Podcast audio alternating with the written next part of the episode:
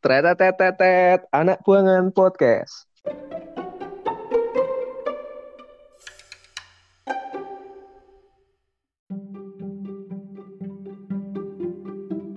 gimana kita bisa praktek, gimana bisa mengimplementasikan bagaimana kita belajar di sekolah, ya dengan di OSIS, mikirku kayak gitu. Sama MPK dulu tensinya sempat tinggi. Kalau ditanya salah mana, mungkin aku sekarang lebih mengakui bahwa ya itu salah dari kami OSIS juga sih.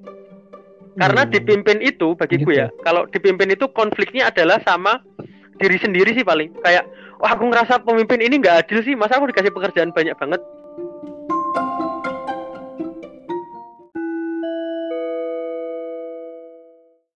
Halo semuanya, Halo kembali semua. lagi di podcast anak buangan. Kali ini saya ditemani duo calon ASN. Duh, Silahkan masing-masing perkenalkan diri Anda.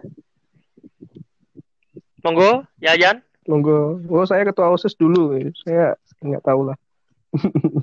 Halo semuanya. Malam ini kita kedatangan tamu nih. Waduh, calon ASN sukses. Kalau aku mah udah kenal semua sih. Kan soalnya udah dari satu ya. Kalau Iya, yang tamu kita siapa nih? Kenalan dulu. Ya, eh, kenalin teman-teman semuanya. Namaku Vector. Ya, calon eh, CPNS ya sekarang statusnya. Hmm, Uh, dia pinter, dia pinter. intermezzo ya, Vektor dulu ini teman sekelasku SMA kelas 11 12 dan juga ketua OSIS di angkatan 2015. Wih, keren-keren. Enggak sama aja. Kalau Vektor mungkin ketua OSIS yang orasinya di aula juga. Sementara Kemul ini juga pernah orasi loh. Yoi. Ketika Vektor orasi di aula, Kemul sudah orasi duluan. Yoi, saya Iya. adalah calon calon OSIS yang digagalkan. Iya. Ya, mungkin sebelumnya bisa diceritakan Vektor, kenapa sih ke, ke dulu itu mencalonkan diri jadi ketua OSIS seperti motivasinya apa atau bagaimananya? Mungkin bisa di share. Hmm, jadi dulu tuh teman-teman kan kelas 10 nih, kelas 10 kan di kelas 10 9. Terus pada waktu itu kan penjurusan mau ke IPA atau ke IPS. Jadi kita kita dulu masih kurikulumnya masih KBK ya, eh, KTSP ya teman-teman ya. KTSP terus yang sebelum KTSP. setelahnya kan habis itu K13 kan ya. Nah, Hmm. kita kita KTSP jadi emang penjurusannya itu ketika di tingkat duanya di kelas 11-nya. Nah, di kelas 11 itu bingung kan sebenarnya ke IPA atau ke IPS gitu. Orang tua kasih nama vektor tentunya pakai alasan bahwa mereka pingin anaknya ini jago matematika. Wah, impian orang tua muluk-muluk banget gitu kan. Tapi kalau dari aku sendiri emang dari awal sukanya tentang politik, tentang ekonomi, tentang hukum kayak gitu. Makanya aku pengen ke IPS. Saat itu bilang sama orang tua, terus orang tua bilang ya nggak apa-apa kalau emang pengen ke IPS gitu kan. Terus ya udah akhirnya milih IPS. Nah, ketika di IPS mulailah berpikir bahwa teman-teman yang IPA kan pasti mereka punya tempat praktek ya, namanya ada lab pra- ada lab praktek biologi, lab fisika. Nah, sedangkan di IPS ini kan nggak ada. Nah, gimana kita bisa praktek, gimana bisa mengimplementasikan bagaimana kita belajar di sekolah, ya dengan di OSIS, mikirku kayak gitu. Karena ketika di OSIS kita kan belajar buat ketemu orang banyak, bagaimana memanage konflik, itu adalah implementasi dari sosiologi yang kita pelajari tentang teori konflik gitu. Makanya dulu alasannya terus terang, dulu nggak muluk-muluk, wah saya ingin memajukan eh, kehidupan sekolah di. SMA 2 gitu enggak. Dulu impiannya gampang sih bahwa aku ingin mempraktekkan ilmu yang aku dapat di sekolah yaitu dengan ikutan gabung OSIS gitu. Ya dan Oh. dan di SMA 2 kan nggak ada tuh OSIS tingkat 1, OSIS kelas 1, OSIS kan kelas 2. Ya udah dengan ikutan nyalon jadi ketua OSIS dan alhamdulillah kepilih sama teman-teman semuanya gitu. Tapi kalau visi misi memajukan itu udah mainstream Tor. Dan kalau ditelisik secara KBBI memajukan, Semada itu mau dimajukan ke mana sih? Apakah dimajukan ke Brimo? Ataukah dimajukan ke mana? Iya, makanya dulu visi misinya nggak gitu, nggak nggak memajukan gitu, nggak. Cuman ya, aku pingin uh, mengimplementasikan, ingin bisa praktik langsung bagaimana cara ketemu orang, cara memimpin maupun dipimpin. Kan ketua OSIS nggak selalu jadi pemimpin di sana. Ketua OSIS kan ketika di misalkan di Disnat kemarin, kan aku bagian sponsorship malah orlaknya atau ketua panitianya raga. Jadi kan aku dipimpin atasanku adalah raga saat itu. Semadakap Tania yang jadi ketua uh, koordinator pelaksana atau ketua panitianya. Jadi aku di sana yang dipimpin. Jadi lebih ke bagaimana belajar bisa memimpin dan dipimpin. Biasanya kan orang kebanyakan ya mungkin gitu. Uh, belajarnya selalu bagaimana memimpin orang, tapi kadang mereka atau bahkan aku pun juga kadang lupa bagaimana cara dipimpin. Nah, ibaratnya kita harus bagaimana memanage ego bahwa suatu saat kita bisa memimpin dan suatu saat kita bisa dipimpin dan itu bukan sebuah masalah gitu. Makanya kemarin itu sih lebih ke belajar bagaimana diri bisa menjadi pribadi yang lebih baik kayak gitu. Wih, mantap, mantap. Dulu kayak salah itu model pemilihan ketua OSIS itu setiap kelas itu ya, apa mengirimkan beberapa perwakilan nama. Mm -hmm. Aku saya ingat tuh, salah satu nih di kelas saya itu ada. Mm -hmm, bener. Aku kakak itu dia maju ke depan orasi dengan ekspresi santainya. Saya tidak siap jadi ketua OSIS. banyak selingi orang-orang komedi juga yang guyon karena itu seperti Gilang mm -mm. pakak-pakak no iya oke okay. tapi mm -hmm. Tapi yo itu sebagai apa ya sangar sih kayak pemil pola pemilihannya dulu itu yang pengen maju gak pengen yo wes iya itu tapi selama menjabat jadi ketua osis itu hal-hal apa ya bisa bisa diceritakan sih tar mungkin suka dukanya selama menjabat jadi ketua osis itu apa? Tentunya kalau suka dukanya banyak banget ya. Sukanya ah bersyukur banget bersyukur banget ketemu orang seperti Busman. Henry Henry Haryanto. Hmm. Henry Haryanto adalah orang yang mungkin sampai saat ini ya, jadi 23 tahun hidup dia tuh satu-satunya orang yang aku belum pernah temukan sosok seperti Henry. Sumpah, kerja paling nyaman adalah kerja bareng Henry. Sah, asli, sah. Kerja paling enak itu adalah kerja bareng Henry. Dulu ketika SMP, Henry itu Pratama. Aku anak buahnya Henry. Jadi emang Henry ini orang yang dia adalah salah satu panutanku lah. Nah makanya ketika dulu disuruh milih aku wah asli aku langsung pengen kerja sama sama Hendri. Makanya Hendri kan jadi wakil ketua OSIS. Sukanya satu yang paling anugerah banget nih ya bisa kenal yang namanya Hendri Haryanto. Yang kedua sukanya hal yang paling seneng adalah ketika kita lihat di Snap, bayangkan ya teman-teman bareng, ada Abdul and the Coffee Theory nyanyi dan kita ada di belakang lihat orang itu rame, jadi paling belakang penonton lihat orang itu rame, terus di belakang lihat Abdul nyanyi dan orang-orang seneng. Wah itu seneng banget. Makanya untuk saat ini kalau misalkan suatu saat raga denger, wah aku thank you banget gak dirimu luar biasa. Itu itu. Oke, tapi hmm? ngerti nggak?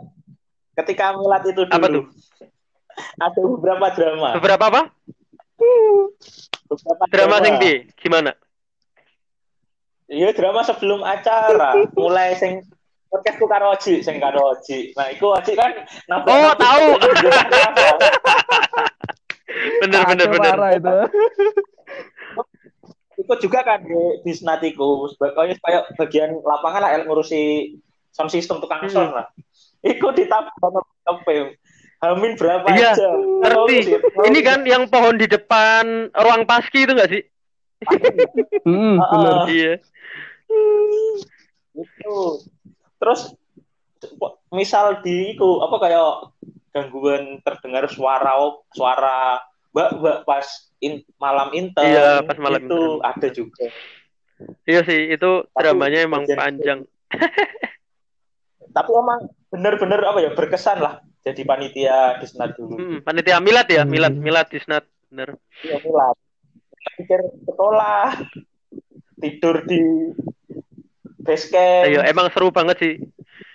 Itu ilmu mau nggak mau ya, ilmu yang paling banyak dipakai ketika di kampus adalah ilmunya Milat. Mulai aku pertama kali kenal Son ya di Milat, gimana tahu FOH FOH kan aku nggak ngerti dulu apa ternyata taunya di Milad dan ketika di kampus juga kepake makanya kalau di kampus sekarang lebih banyak ngurusi event ilmunya Oh, dari Milad keren kan. Semada Nah, kelihatan nih orang penting di stan nih. enggak banyak maksudnya aku kan cuman satu dari sekian banyak orang yang inilah lebih berperan di kampus Hmm. Eh, Tapi kalau duka itu pasti ketika ada suka pasti Duka, ada bener. duka. Nah, dukanya itu gimana tuh? Dukanya- jadi- aku merasa ketika jadi ketua OSIS melakukan banyak dosa lah. Dosanya adalah banyak teman-teman yang mungkin eh, nggak bisa terpenuhi semua keinginannya, misalkan eh, tentang Semadakap, misalkan di Semadakap kan juga banyak kendala di sana, yang berarti kami juga persiapannya mungkin nggak selalu maksimal gitu. Semadakap dulu kan ini ketua panitianya kan Tania, terus dulu pernah Riko apa gitu ya.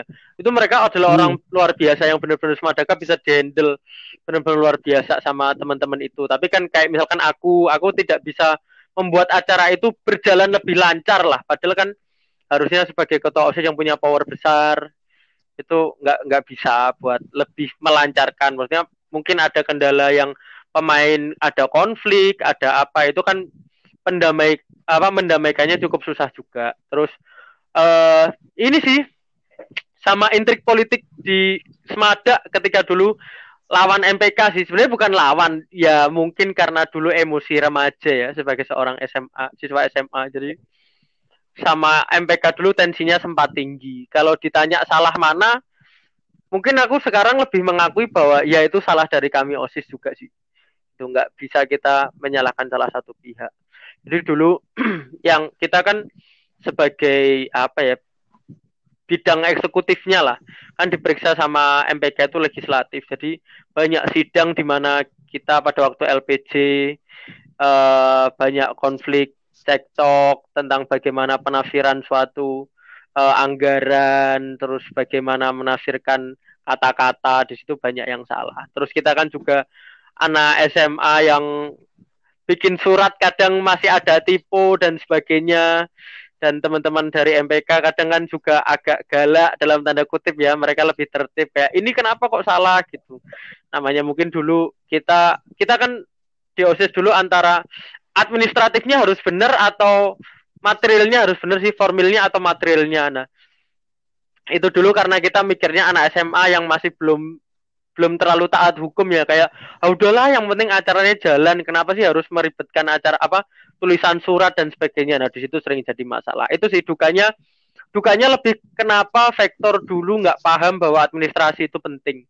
Kenapa vektor dulu nggak paham bahwa ternyata surat-surat itu tuh harus tertib gitu. Itu sih salahku ego pribadi. Jadi aku minta maaf sama Hmm, teman-teman MPK keren, banyak Hmm. banyak salah lah sama teman-teman SMPK By the way, Ketua MPK juga sekelas sama iya kita loh. sekelas makanya aku sungkan sih Ketua Ketua MPK siapa sih?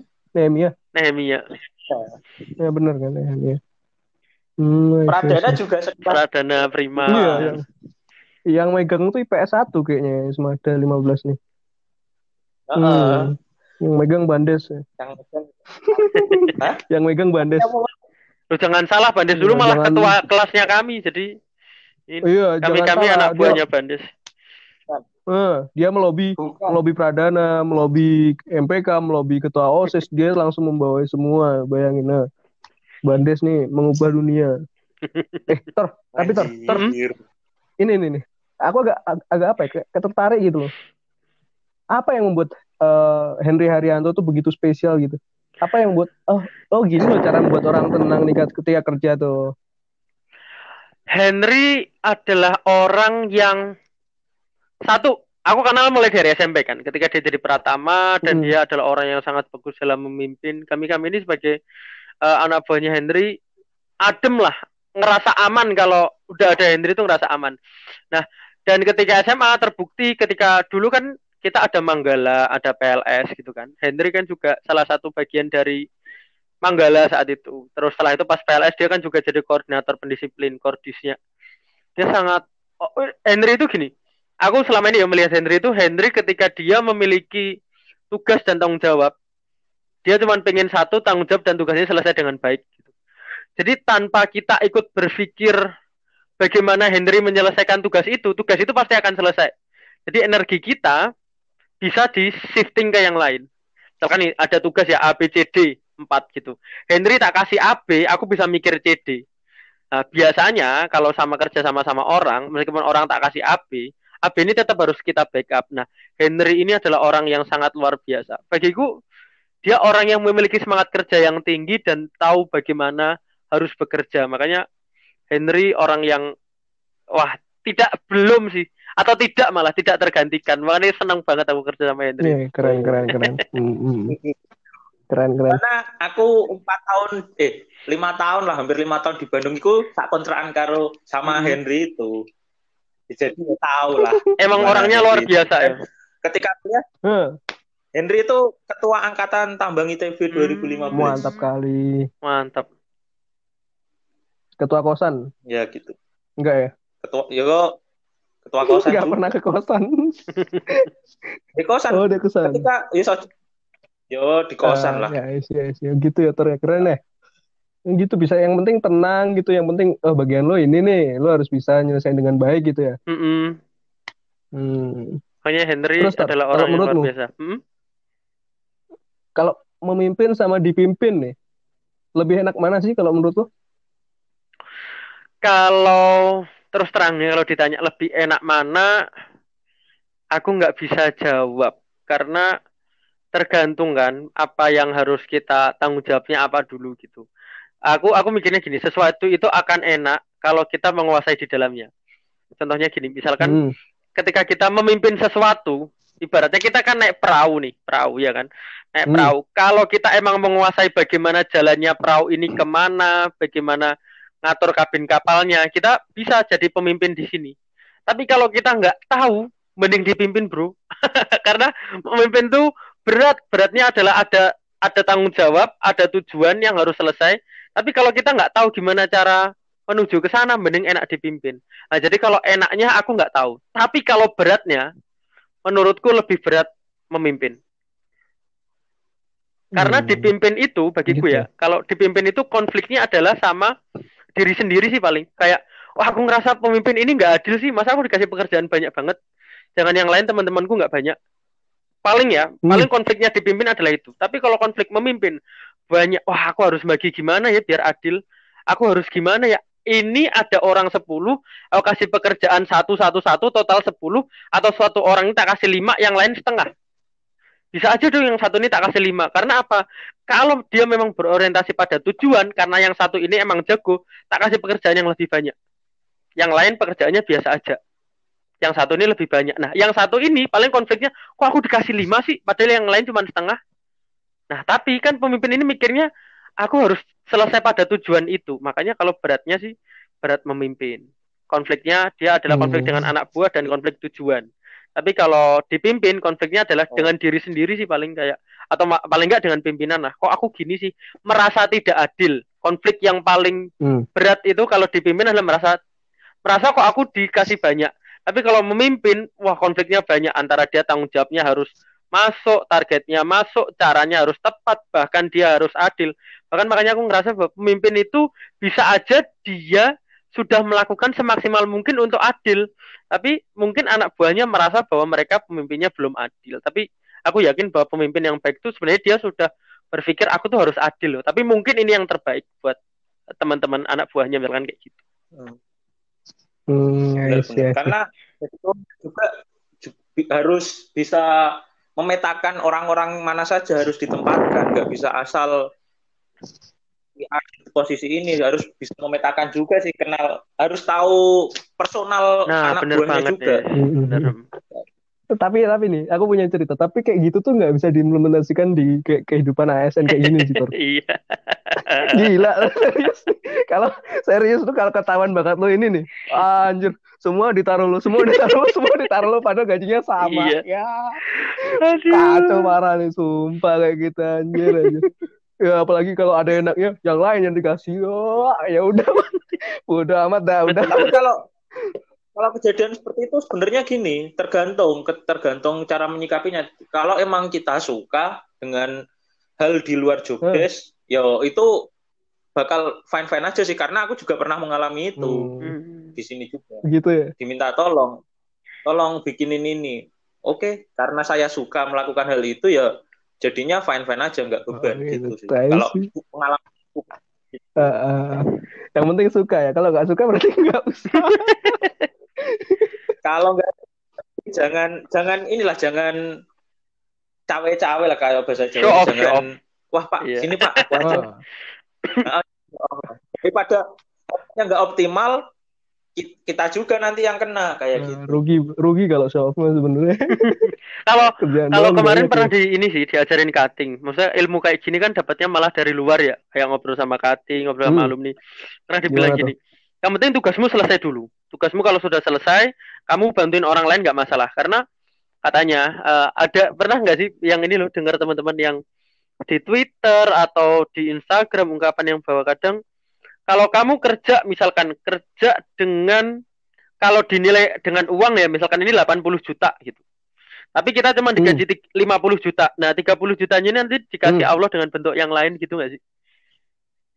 Nah, Oh, itu sih. Jadi Allah. Iya, kalau memang sih apa ya ibaratnya show off lah dengan batas yang wajar lah. Jangan sampai ketika show off itu malah pekerjaan Nah, kita itu. keteteran itu yang malah bahaya karena kan kewajibannya di situ. Hmm, Apalagi ngejar iku. gitu.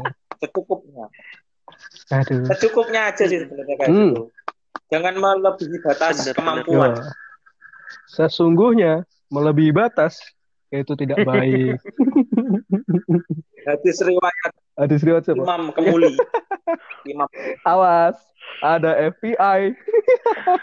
Saya nggak komentar, nggak komentar. Bandes ditual, Bandes ditual, tangkap dia pak. Ya. Hmm. saya tidak takut banyak gegengan Hmm. Eh, ter, tapi itu tadi eh, dari cutting yang mana nih? Kampus UGM atau kampus PAN? Dari kampus ya, TAN. Ah, ngeri, karena ngeri. juga sektor ini sebelum ke stan kan Iya, Di UGM dulu. Waduh, kampus terbaik bangsa. Gimana gimana tuh ceritanya tuh?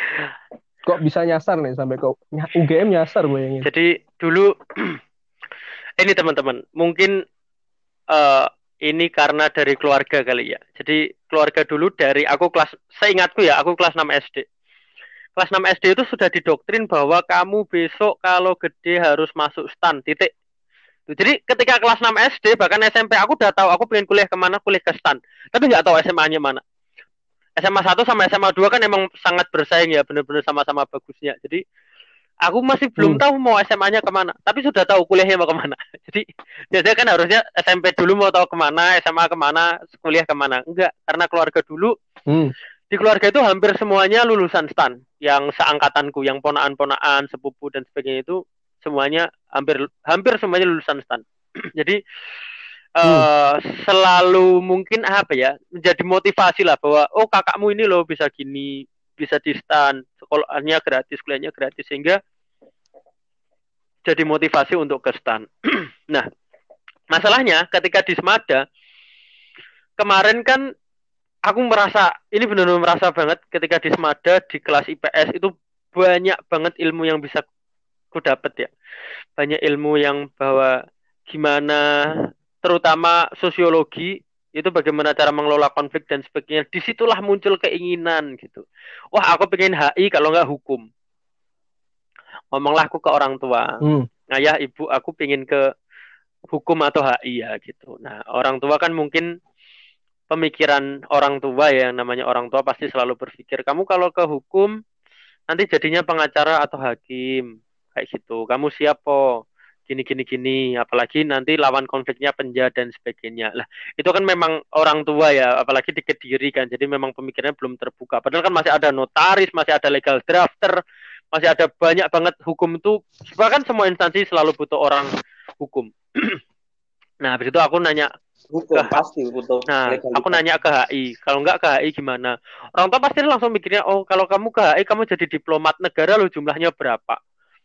Orang yang lulusan HI berapa? Selalu seperti itu. Padahal kan orang HI ini kan komunikasinya luar biasa. Dia di perusahaan mana pun bisa. Nah makanya itu dulu memang mungkin orang tua ya namanya orang tua dan hidup di kediri. Jadi pemikirannya belum terbuka. Banyak yang ya banyak pemikiran yang aku sadari bahwa oh ternyata sebenarnya nggak gini-gini amat gitu loh. Jadi orang tua mungkin ada salahnya lah dalam tanda kutip saat itu gitu. Nah akhirnya ya udahlah aku pingin ke manajemen UGM karena saat itu manajemen jatuhnya hmm, akhirnya jatuhnya ke manajemen karena saat itu kan ada kesempatan buat SNMPTN ya udahlah ambil aja gitu SNM SNM nyoba dan alhamdulillah keterima di manajemen UGM kaget bro manajemen UGM hmm. itu ESCSB akreditasinya? Uh, akreditasi dari luar negeri apa gimana gitu. Pokok itu uh, selama kami di UGM, selama aku di UGM dijelaskan bahwa UGM ini kampus manajemennya sangat luar biasa lah, terbaik di Indonesia. Pokok luar biasa banget. Apalagi ada Pertamina Tower dan sebagainya. Sangat menarik dan hmm. aku bener-bener bahkan nggak nyangka, wah ternyata UGM manajemen ini bener-bener keren banget gitu. Di sini dijelaskan bahwa lulusannya uh, aku lupa ya saat itu jadi mohon maaf koreksinya kalau salah saat itu dijelaskan kalau enggak eh, pokok mereka maksimal tiga bulan pasti sudah dapat kerja semuanya lah ketika sudah lulus karir petnya bagus hmm. banget alumninya di mana-mana juga hmm. luar biasa otomatis semangat hmm. oke semangat lah gitu aku di manajemen nah saat itu masuk manajemen dulu kan baru ada testan hmm. nah karena hmm. orang tua jadi saat itu kalau nggak salah ya uh, itu tuh hari raya dulu, lebaran dulu, baru testan. Seingatku saat itu kayak Iya gitu. benar. Hmm, benar. Nah, benar. pada waktu lebaran ditanyain, keterima di mana gitu, ke UGM gitu. Oh, udah di UGM masih pingin stan nggak gitu. Terus aku bilang, ya nggak tahu ini nyoba. Udahlah kalau bisa ke stan aja. Saudara-saudara pada kayak gitu. Jadi ya mau nggak mau doktrin pemikiran mulai dari kelas 6 SD kan. Yang bawa aku kepikiran mau ke UGM itu kelas 3 akhir dan doktrin Kristen dari kelas sama SD otomatis sangat jauh sekali kan. Makanya terus oh ya udahlah hmm. tetap nyoba stan dan saat itu nggak keterima di stan. Ya udah nggak apa-apa. Hmm. akhirnya dicoba dulu ke UGM UGM itu satu kampusnya keren banget dan fasilitasnya luar biasa. Di sana ada aula bertaraf berstandar internasional ada uh, dan itu pertama kalinya teman-teman terus terang tahu gelar itu ternyata nggak cuman SPD kalau kita kan di SMA kan paling SPD MPD MAG SAG gitu kan. Tapi ternyata kan di UGM orangnya ada eh, AK CA apa eh, certified-nya CA CPA CFA Mavis dan sebagainya banyak banget. Ternyata emang seluar biasa ini. Dan dulu ketika di UGM seneng pertama kali masuk seneng. Wah ini pasti ilmunya manajemen akan bagaimana kita memanajemen SDM, manajemen bisnis pemikirannya awal kayak gitu. Tapi ternyata saat itu aku langsung kalah ketika dapat matematika ekonomi. Jadi aku tipe orang orang yang nggak terlalu suka ini, nggak terlalu suka matematika. Dan waduh, matematikanya susah banget. Dan akhirnya di aku nyerah. Beda, Beda. seperti yang diajarkan Buarta jauh. Lebih susah dan aku hmm. wah udahlah aku nggak kuat kayak gini. Dan akhirnya memutuskan bahwa ya udah deh aku tetap pengen ke stan aja. Karena kemarin di UGM teman-teman IB ku nggak bagus-bagus amat. Bener-bener drop lah. Jauh kalau dibandingin di stan. Karena yaitu kuliahnya susah. Aku mengakui kuliahnya susah atau mungkin emang nggak hmm. passion ya di sana ya jadi matematikanya itu berat aku hmm. sempat kayak nanya wah kok susah banget ya di UGM gitu padahal lulusan UGM kan keren-keren hmm. tuh Pak Anies Baswedan dari sana terus Pak hmm. Bambang Sudibyo hmm. kalau nggak salah dari sana Pak Budiono juga itu tapi itu susah hmm. Pak Jokowi ini ya. ngomongin manajemennya apa FEB UGM Presiden ya kalau Pak Jokowi kan oh, dari kehutanan hmm. kan ya nah kehutanan. makanya UGM sebenarnya melahirkan ekonom-ekonom luar biasa. Cuman saat itu mungkin aku memang nggak nggak nutut aja otaknya. akhirnya pindah ke stan dan mm -hmm. di stan alhamdulillah seneng mm -hmm. akhirnya bisa ke pajak dan uh, ini teman-teman pajak adalah duniaku pajak kan hukum uh. urusannya kan tentang undang-undang oh. jadi aku akhirnya bisa mm. kuliah hukum dan orang tua merestui wah itu makanya aku senangnya itu di stan itu mm. pajak kita belajar hukum pajak gimana undang-undang PPH, PPN, KUP dan sebagainya di situ senang. Pengadilan pajak. Hmm, hmm, hmm. Tapi tahu gak yang membedakan Vector dengan saya adalah Vector meninggalkan kampusnya daftar stam diterima. Saya mencoba itu tidak diterima dong. Rezekinya beda-beda deh. Katanya hmm? Ter, bener, bener. Katanya kamu pernah kabur nih dari kampus nih. Kamu off kampus beneran-beneran off. Kamu lepas tapi nggak pulang ke kediri iya bener. bener jadi semester satu keluar IP gitu kan. IP-nya kan jelek. Terus setelah itu aku ngomong sama orang tua kan ayah ibu. Saat itu ibu masih ada masih hidup. Sekarang ibu sudah eh, meninggal. Ngobrol ke ayah sama ibu ya eh, bu aku pengen ke stan gitu. Terus ayah sama ibu bilang ya kamu kan tahun lalu sudah nggak keterima. Terus tahun ini apa yang akan bisa membuatmu keterima? Gitu. Ayah bilang kayak gitu. Aku pengen les ya gitu les di sini lesnya di Bintaro lesnya itu enam bulan teman-teman apa hmm, lesnya Oh, langsung di Bintaro lesnya itu enam bulan Sebut nama. Janganlah nanti promosi Hmm. Bukannya kamu kader kadernya diundang. situ ya kayak. Ngajar di situ kayak kamu tuh. nah ya. akhirnya les di Bintaro sana enam bulan intensif jadi semester 2 Hmm. benar-benar tak tinggal di UGM itu benar-benar tak tinggal aku tinggalin terus dan akhirnya les Hmm. dan saat itu lesnya itu Hmm. modelnya asrama. Jadi saat itu benar-benar nggak megang handphone benar-benar full eh, ngerjain terus ngerjain ngerjain ngerjain sampai akhirnya alhamdulillah pada waktu tes bisa ngerjakan dan alhamdulillah dengan kepercayaan diri yang tinggi lah nggak was was oh ya itu karena memang enam bulan apa yang dikerjakan ya itu itu itu itu itu itu itu. Jadi sampai kita dalam tahap ketika keluar soal gitu ya tanpa kita ngitung kita pun udah tahu jawabannya karena rumusnya sudah langsung Ih, apal keren. tapi sekarang udah lupa maksudnya emang dulu ngecamnya Hmm. kayak gitu bener-bener orang itu di training bagaimana keluar soal tuh jangan sampai kamu nganalisa tapi keluar soal tuh hafal jebret ini rumusnya jebret ini rumusnya kayak gitu ya dulu enam bulan Gitu ya. Eh, tapi kalau nggak salah itu ya, Tar. Caramu berkomunikasi Hmm. loh, Ki. Correct me if I'm wrong. Correct me if I'm wrong. ya. Caramu berkomunikasi iya itu bener-bener lewat email ya? Lewat email. dulu lewat email soalnya nggak bisa megang HP di sana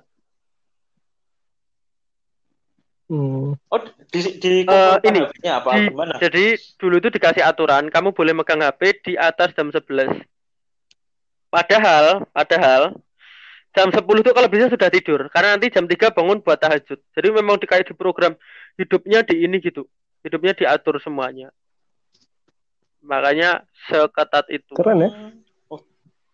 Hmm. Oh, Hmm, tapi pertanyaanku Tor, apakah tidak bosan dengan rutinitas kalau bosan itu? terus terang bosan des cuman kemarin itu stand itu aku terakhir kalinya kesempatan kalau tahun kedua itu aku nyoba gagal tahun ketiga nggak bakal bisa lagi dan untungnya stand saat itu buka kan soalnya sebelumnya kan pernah ada tutup Buka. kan Iya. nah alhamdulillah buka dan Ah. keterima dan alhamdulillah benar-benar akhirnya kemarin teman-teman Mm-mm. sempat nangis loh ketika ospek gitu ya dinamika namanya di stand itu nangisnya bukan karena dimarahin sama cutting tapi nangis wah aku ternyata bisa masuk ke SC SC itu student center di stand namanya kayak aula kayak gitu Hmm, dan iya. selama ini kan Hmm, cuman hmm. bisa lihat di Instagram oh stand kayak gini kayak gini kayak gini dan akhirnya bisa masuk di dalam itu benar-benar nangis seneng Allah ternyata alhamdulillah udah bisa jadi bagian Hmm. dari stand emang bosennya bosen Hmm. tapi karena mungkin keinginannya jauh lebih besar ya dari kebosanan itu akhirnya bisa masuk Sindes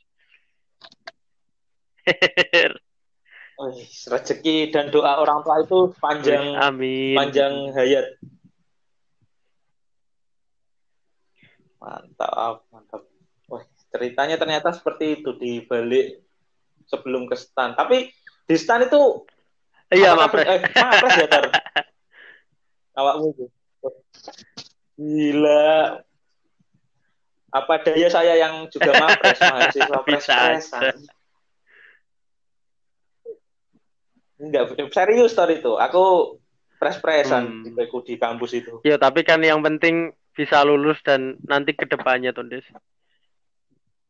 syaratnya Hmm, kemarin hmm, hmm. angka Iya, yang di belakang ya sudah lah itu jadi sebuah yo mau nggak mau itu sebuah masa lalu nggak sih? Kayak oh ya udahlah aku dulu pernah kayak gini ya sekarang aku pengen gini gitu kayak misalkan dulu pernah jadi mapres gitu finalis mapres.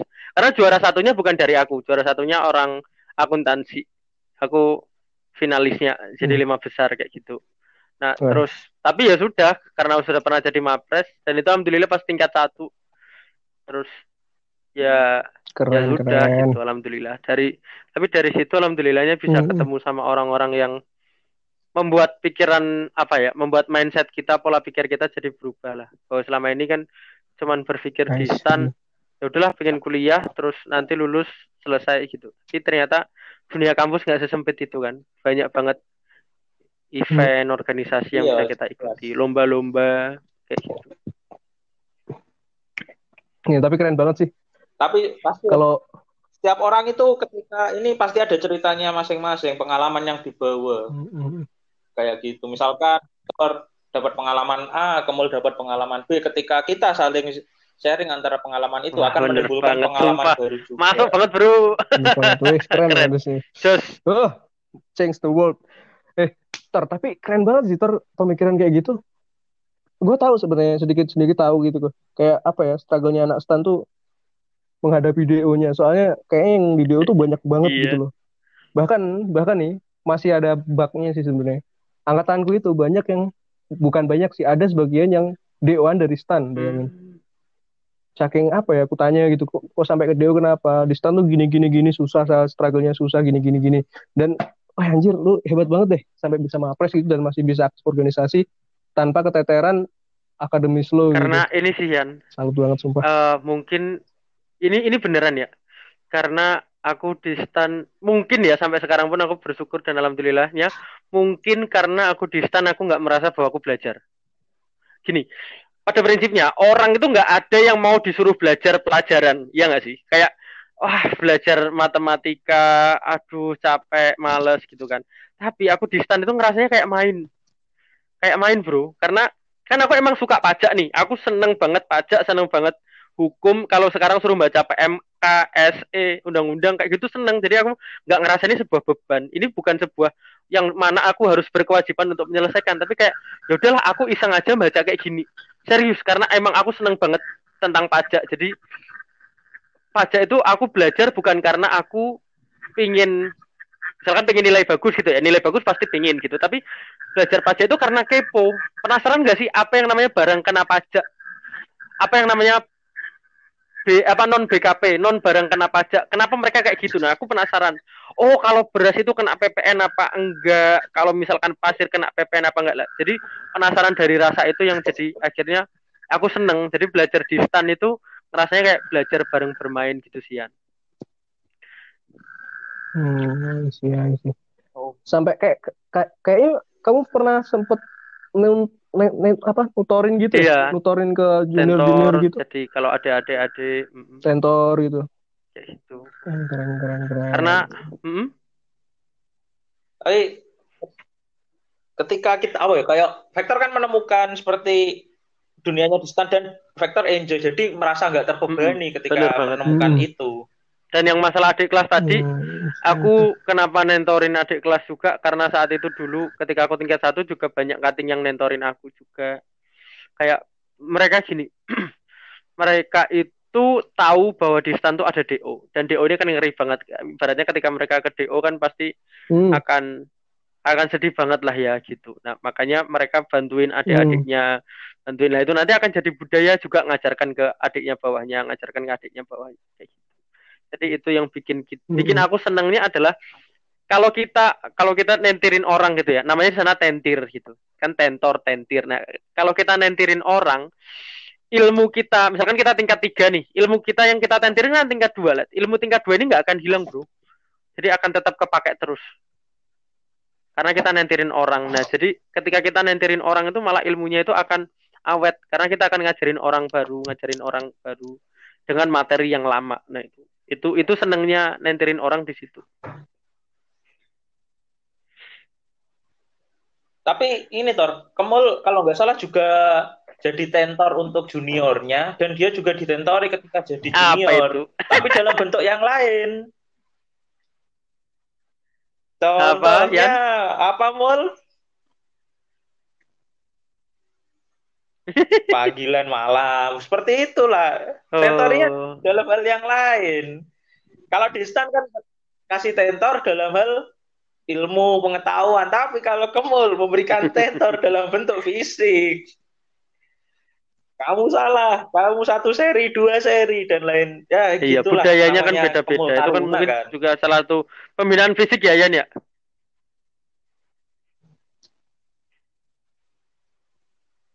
Iya hilang. Hilang kayaknya.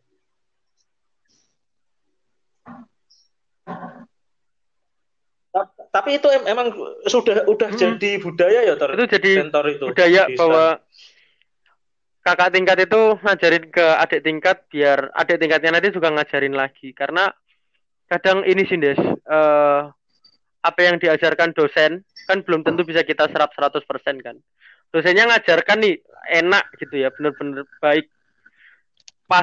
Tapi kan kita kadang ada ngantuknya di kelas ada nggak konsennya. Lah nanti ketika tentir di luar sama cutting dia bisa mengulangi kak tadi kata bapak ini kok kayak gini ini benar nggak sih? Oh iya bener dek karena jalannya ini loh ini ini ini ini misalkan seperti ini. Jadinya seperti ini. Oh gitu ya kak. Nah jadi mereka akan akan lebih paham kayak gitu. Aku pun dulu juga kayak gitu sering aku diajarin dosen kan kadang nggak konsen pikiran ke mana-mana itu enak bisa tanya ke kakak tingkat akhirnya kakak tingkat bisa jawab kayak gitu Hmm, hmm, keren.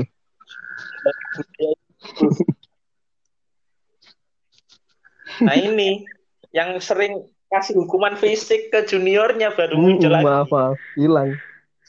oke Gimana, gimana? Ketinggalan apa, gue? sorry, sorry. Oh, kamu kan Vektor kan meninggalkan budaya tentor dalam hal pengetahuan. Kalau ente meninggalkan memberi tentor dalam hal Hmm, fisik, kita harus menjaga kesehatan dan kebugaran tubuh. Tambah kedisiplinan. Mm-mm. tapi setelah lulus di stan itu dia itu langsung penempatan penempatan apa gimana? Apakah penempatannya dia milih? Apakah berdasarkan te- hasil tes lagi? Hmm, kalau peringkat ya? kemarin itu milih jadi tiap jurusan beda-beda sih kalau di pajak dia milih milih kotanya apa se Indonesia mana kayak gitu kalau untuk masalah peringkat IP aku masih nggak tahu ya IP sengaruh apa karena eh, kadang random kadang IP gitu jadi kita nggak ngerti juga tapi kalau di tahunku kayaknya emang berdasarkan IP sih. Jadi nggak gini ya teman prinsipnya bukan IP yang bagus selalu di kota besar enggak. Tapi IP yang bagus biasanya mendekati pilihan pertamanya. Misalkan kalau emang dia milih di Jawa Barat ya di Jawa Barat. Kayak gitu. Misal- ya di Hmm. Maluku. Kalau milih di ada Maluku, kan orang-orang yang memang home base-nya Maluku. Pasti mereka kan milihnya juga balik ke Iya. Maluku. Balik balik daerah. tapi di sini ada loh. Bukan oh, bukan orang Maluku. Pas aku kayak per- pas belanja, itu pernah papasan nggak anak BC apa pajak ya itu logatnya itu Hmm. kalau nggak salah logat logat Jawa juga. Di iya sini juga penempatan Hmm. ritual. Hahaha. banyak aku ada yang kenal juga di Tual sama kakak tingkat orangnya baik Kak Kris namanya Asli sin Kak Kris asli mana tuh tuh? Medan kalau nggak salah Asli tual. Ujung iya, ke iya, ujung. mungkin emang beliau itu, ingin ke sana itu Anjir. menurutku ini loh teman-teman kalau bisa penempatan di daerah yang apa ya itu namanya daerah indah lah ya itu sebuah anugerah juga loh Hmm. ya surga tersembunyi Oh, itu surga eksotis kan ya tersembunyi. keren gitu Surga itu itu tersembunyi itu adalah Apa yang ini anugerah loh apa yang membuat jadi surga Tor? Jadi jadi Gini, anugerah gitu. kita Tor? di Bintaro ya jalanan macet tiga tahun Hmm.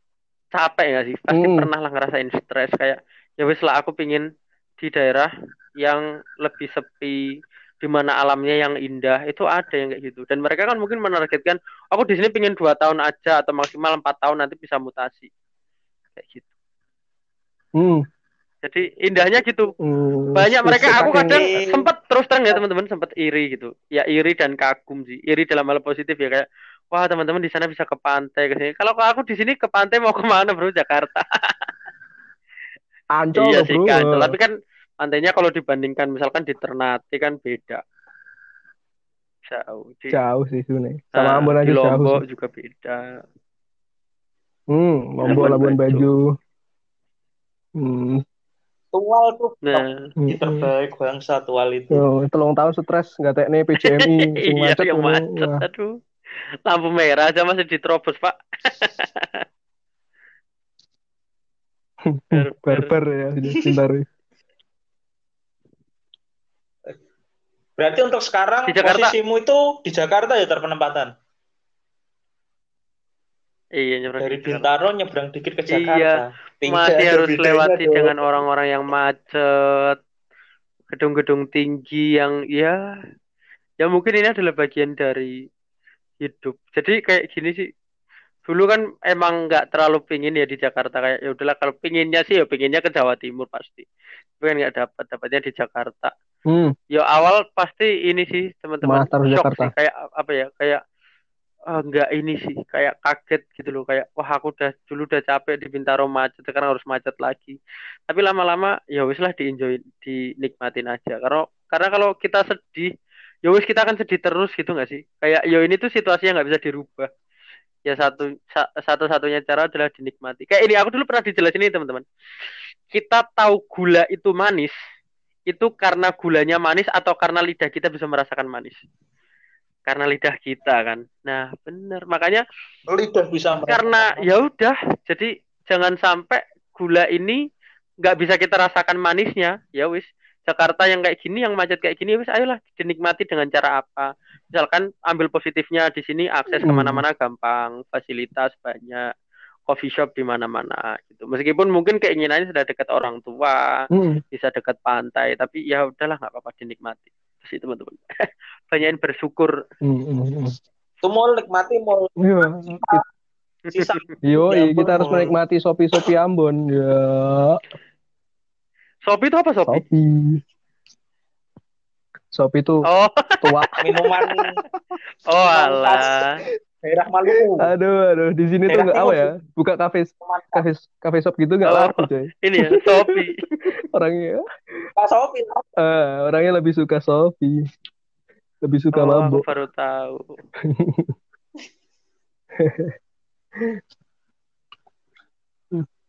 Tapi dengan itu apa ya? Jadi suatu pembelajaran juga sih bahwa segala hal itu sudah ada yang menggariskan kita tinggal menjalani saja. hmm, hmm. Menjalani meskipun dalam perjalanannya itu mesti ada ngeluh, sambat, stres, Iya sih, tapi benar. ya bagian dari proses. Bener banget. Tor, tor, tapi tak rungokno nih tor. Kat nang ya makmu aurane positif ngono. Gak pernah gak sih ngrasane negatif saka awakmu ini? Wah, aku gak pengen ini, wah aku ngene, wah aku ngene, nyapo tuh ini, nyapo Pernah tuh bro, saya kira negatif asline. Cuman jadi gini, Hmm, eh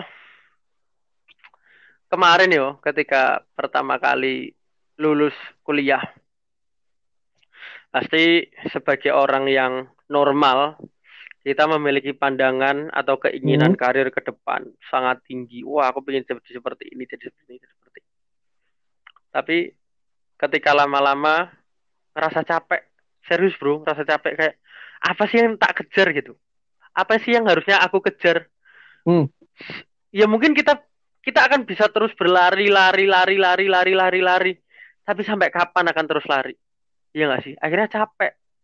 Nah makanya sekarang mungkin memutuskan untuk ya istirahat sejenak lah, nggak usah ngoyo-ngoyo dulu. Istirahat itu bukan berarti nggak nggak ini ya nggak perform ya dalam kerjanya, tapi ya udahlah menikmati kerja. Misalkan jam 5 selesai ya udah pulang, pulang misalkan yo nonton YouTube atau apa, otak-atik komputer kayak gitu. Eh, main game, justru sekarang aku main game online lagi bro, main PB lagi, point blank kayak gitu. Itu itu bagian dari menikmati hidup karena dulu ketika kuliah kan dulu tingkat satu jebret oh jadi pertama kelas tingkat satu itu jadi kepala bidang pendidikan di keluarga mahasiswa pajak setelah itu pas tingkat dua megang eh terus habis itu pas tingkat satu jadi ini jadi finalis mapres kan. Habis itu dulu ada juga namanya teman-teman award itu ini mahasiswa terfavorit dulu saat itu. Nah terus setelah itu tingkat dua. Tingkat dua megang jadi koordinator pelaksananya Mapres dan Pekan Pekan Riset Nasional. Megang juga dulu ada seminar pengabdian desa di mana seminar itu adalah pertama kalinya yang mendatangkan dua menteri langsung ke stan. Itu kan pasti kegiatan juga capek, capek banget. Terus masih ada lagi dulu ikutan PEKMA, Pekan Mahasiswa. Jadi staff opening closing, yaitu yang Hmm. ilmunya dari eh, milad dulu kepake adalah kita belajar lighting, FOH, sound dan sebagainya pakai di situ gimana konsep acara terus setelah itu jadi nih apa Hmm. mahasiswa aktif kontributif aktif kontributif itu karena kegiatannya banyak dan berkontribusi untuk ini. Ikut lomba juga di dulu ada namanya Pekan Raya Perpajakan Nasional ikut lomba di UI ikut lomba di UNER terakhir di DTC ya itu Hmm. itu maksudnya itu kan selalu ngejar ngejar ngejar ngejar ngejar terus. Tapi akhirnya capek kayak ketika sudah selesai ah, ya udahlah pengen istirahat dulu rehat bentar lah. Nanti kalau memang saatnya ada ngejar lagi ya nggak apa-apa kita lari lagi. Tapi sekarang kalau ditanya negatifnya mikirnya kayak ya wis aku bahkan sekarang nggak punya keinginan buat ngapa-ngapain Yan. Serius bener-bener kayak ya wis lah aku leren sih gitu. Aku nggak pengen ngapa-ngapain. Bahkan ini terus terang ya WFH eh WFH PSBB ini itu tuh sampai membuat megang HP aja males loh capek. Banyak chat yang nggak tak bales dan maksudnya chat yang nggak tak bales itu bukan berarti banyak yang ngechat ya nggak gitu juga. Maksudnya misalkan ada teman nanya tentang kabar ini Hmm. nggak tak bales karena kayak capek. Karena ketika aku harus balesi mereka nanti harus ngechat lagi.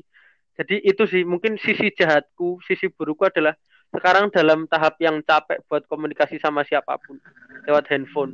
Mending kalau ngobrol kayak gini bisa ketemu orang tuh akan aku akan jauh lebih seneng. Tapi kalau kayak balesi chat capek capek bener-bener negatifnya sampai aku kadang gini ya apalagi kan nggak bisa mudik kan ini ketika malam takbir itu bener-bener kepikiran kayak Hmm. wah ya Allah kalau aku bisa di Kediri gitu bisa enak banget tapi nggak bisa ya udah capek dan yo nggak tahu ya ini termasuk orang yang cengeng apa enggak tapi masalah itu akan sedikit berkurang kalau kita nangis serius Hmm. Wow. Oh iya. Karena saya Nangis juga, di penangis, sini, nggak bisa pulang. Iya. Aku nggak nggak boleh pulang. Li- Cuma li, aku libur itu Kamis, Kamis karo Senin tok libur. Jumat kerja. oh Aku nggak ada WFH Hmm. soalnya di gini, tetap kerja terus. nelongso sih bener negatifnya Itu gue sih ya, nelongso. nelongso asli nelongso banget Langsung. Hmm, hmm, hmm. Seakan-akan, oh ya, flashback ke du- waktu-waktu dulu. Wah, Betapa Setuju waktu. banget. Hmm. itu keluarga itu sih, yang bikin ngikut. bener-bener merasa sedih merasa sedih adalah itu Hmm, hmm, hmm. pas bar sholat bar sholat id biasanya kan karo iya ada momen salam-salaman dengan saudara dengan keluarga dan di sini sholat id balik kosan ya wis Bener. dengan kesendirian lagi Foto desa sendiri. hiburannya kan cuma hiburannya kan cuma apa ya? ketika video call sih pas wingi-wingi itu video call dengan teman-teman teman SMA Iya, bener teman banget. kuliah kayak gitu hiburannya. Oh ternyata juga yang merasakan hal-hal seperti ini Iya. di kondisi pandemi, pandemi ini benar-benar merubah segalanya lah. Hmm, merubah tatanan merubah bagaimana cara bergaul. Sedih. Ya, semoga teman-teman yang pandeminya cepat hilang corona cepat pergi lah amin Amin. kenapa pengen pulang sebentar kalau bisa pulang kalau bisa cuti Keren ya tuh deh.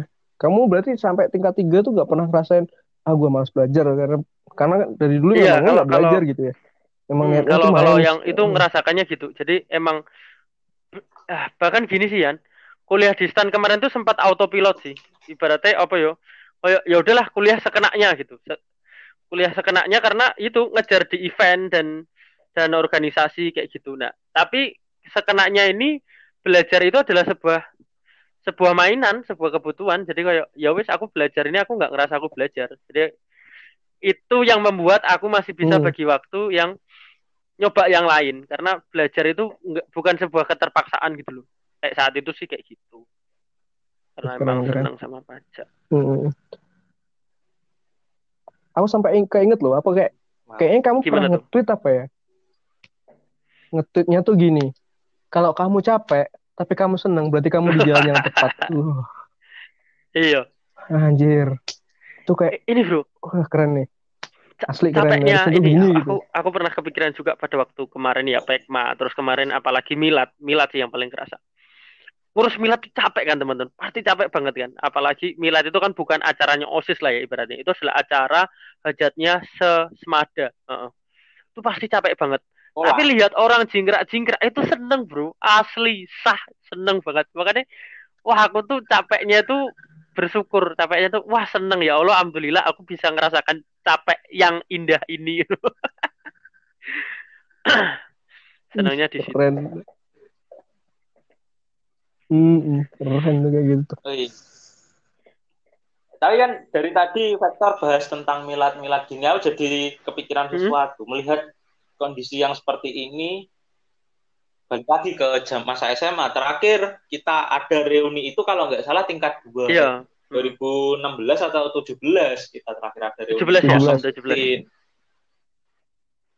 Kayaknya. Gimana sih Tor? Sebagai ketua angkatan, kan nanti yang bisa mungkin mengakomodir ke teman-teman karena di angkatan kita kan juga belum ada ketua angkatan. Barangkali teman-teman yang dengar ini ada yang minat jadi ketua angkatan. Nah itu katanya Tito itu. 2021 kita ada alumni gitu taruh gimana? Eh, ada reuni gitu. Sepertinya emang cukup mengobati kerinduan teman-teman pasca. Iya, ini nggak sih ketua angkatannya ini. Tito nggak sih? Iya, Ada. Tito sih kayaknya. Nah, katanya Tito itu. Itu masih belum apa ya? Belum tervalidasi sih sebenarnya. Iya. Butuh Ya mungkin gini sih, Oh. nanti kita ini aja. aku. Mudah-mudahan kita bisa purpose bareng, kita bisa ajukan bareng kepada teman-teman semuanya, mulai Hmm. pelan-pelan kita rintis buat setahun ke depan kan ya 2021. Otomatis ya nanti orang yang pertama kali tabungin adalah Hmm. Busman, terus Tito, 2021. terus teman-teman yang lain juga gimana Hmm. sekiranya bikin acara ini masalahnya teman-teman. Kesulitannya adalah aku nggak di Jawa Timur, Hmm. nggak di Kediri, jadi koordinirnya berat di situ sih. Tapi Iya, itu. aku aku optimis bisa sih mudah-mudahan. Ya nanti Hmm. kita doa bareng-bareng lah ya. Karena kan karena mikirku ini kita 2025 kan eh silver. Iya silver kan Sil- 10 silver tahun. ya silver bukannya 25 ya? 25 tahun ya? 2025 10 tahun. Oke. Satu Pokoknya dekade, satu satu dasa berapa warsa. tahun apa satu eh, satu dekade lah, satu dekade Itu dekade itu udah Kan- plus 8 ya. cukup besar lah 10 tahun.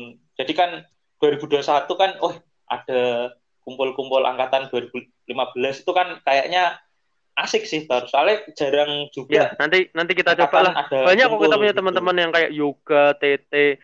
Nanti orang-orang yang bisa bangun acaranya bareng-bareng, ada raga, yo enek. Banyak lah nanti mudah-mudahan lah kita ini.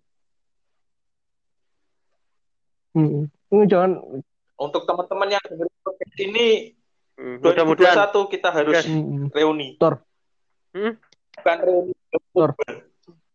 jangan lupa Dedi disebut Haryadi. Dedi Haryadi. Wah, ketua Makanya. LD. Waduh. Ada Ibnu. Ketua LD Helmi, coy. Nah, menghandle Aku aku manusia wah, biasa. satu Nah. Bandung. Nanti paling Yang ini punya sih teman-teman, kalau gitu, kalau itu beneran jadi ya, harus kita punya koordinator wilayahnya juga yang bakal menginformasikan. Jadi dibentuk panitianya. Nanti bareng lah Nah, itu mungkin purpose. Siap. ketika ada waktu bisa bisa kita bahas. Karena aku melihat melihat apa ya kayak semacam algoritma eh kok algoritma kayak itulah kondisi sekarang kan mungkin teman-teman SMA bal- cuma bisa ketemu kan biasanya kita Hmm. kumpul lebaran terus datang ke guru-guru. Nah, cuma khusus on tahun ini kita kan cuma bisa lewat HP, lewat video call. Kan biasanya ke Pak Karmaji. Kangen hal-hal seperti itu. Kawan guru-guru, kumpul karo caca. Iya bener banget ya. Tahun ini mudah-mudahan apa kerinduannya bisa dikumpulkan dan ditumpahkan tahun depan. Mm. Amin, ditabung dulu ya. Iya, Hmm, hmm, hmm. yang jauh-jauh mulai nabung uang untuk Yo. beli tiket. Yuk. Itulah mungkin teman-teman yang dengerin kalau ada ide bisa disampaikan di siapa ke ke Vektor lah atau iya ke Ke Vektor. Dedi berarti. aja ke Dedi. oke. Vektor terlalu banyak ini nanti. Kenapa saya? Saya kan hanya mediator, hanya menghubungkan. Tapi kalau teman-teman idealnya Hanya lebih baik memberi atau halal kalian bihalal? dong. Habis hari raya jadi ya? halal bihalal mungkin. Gak ya?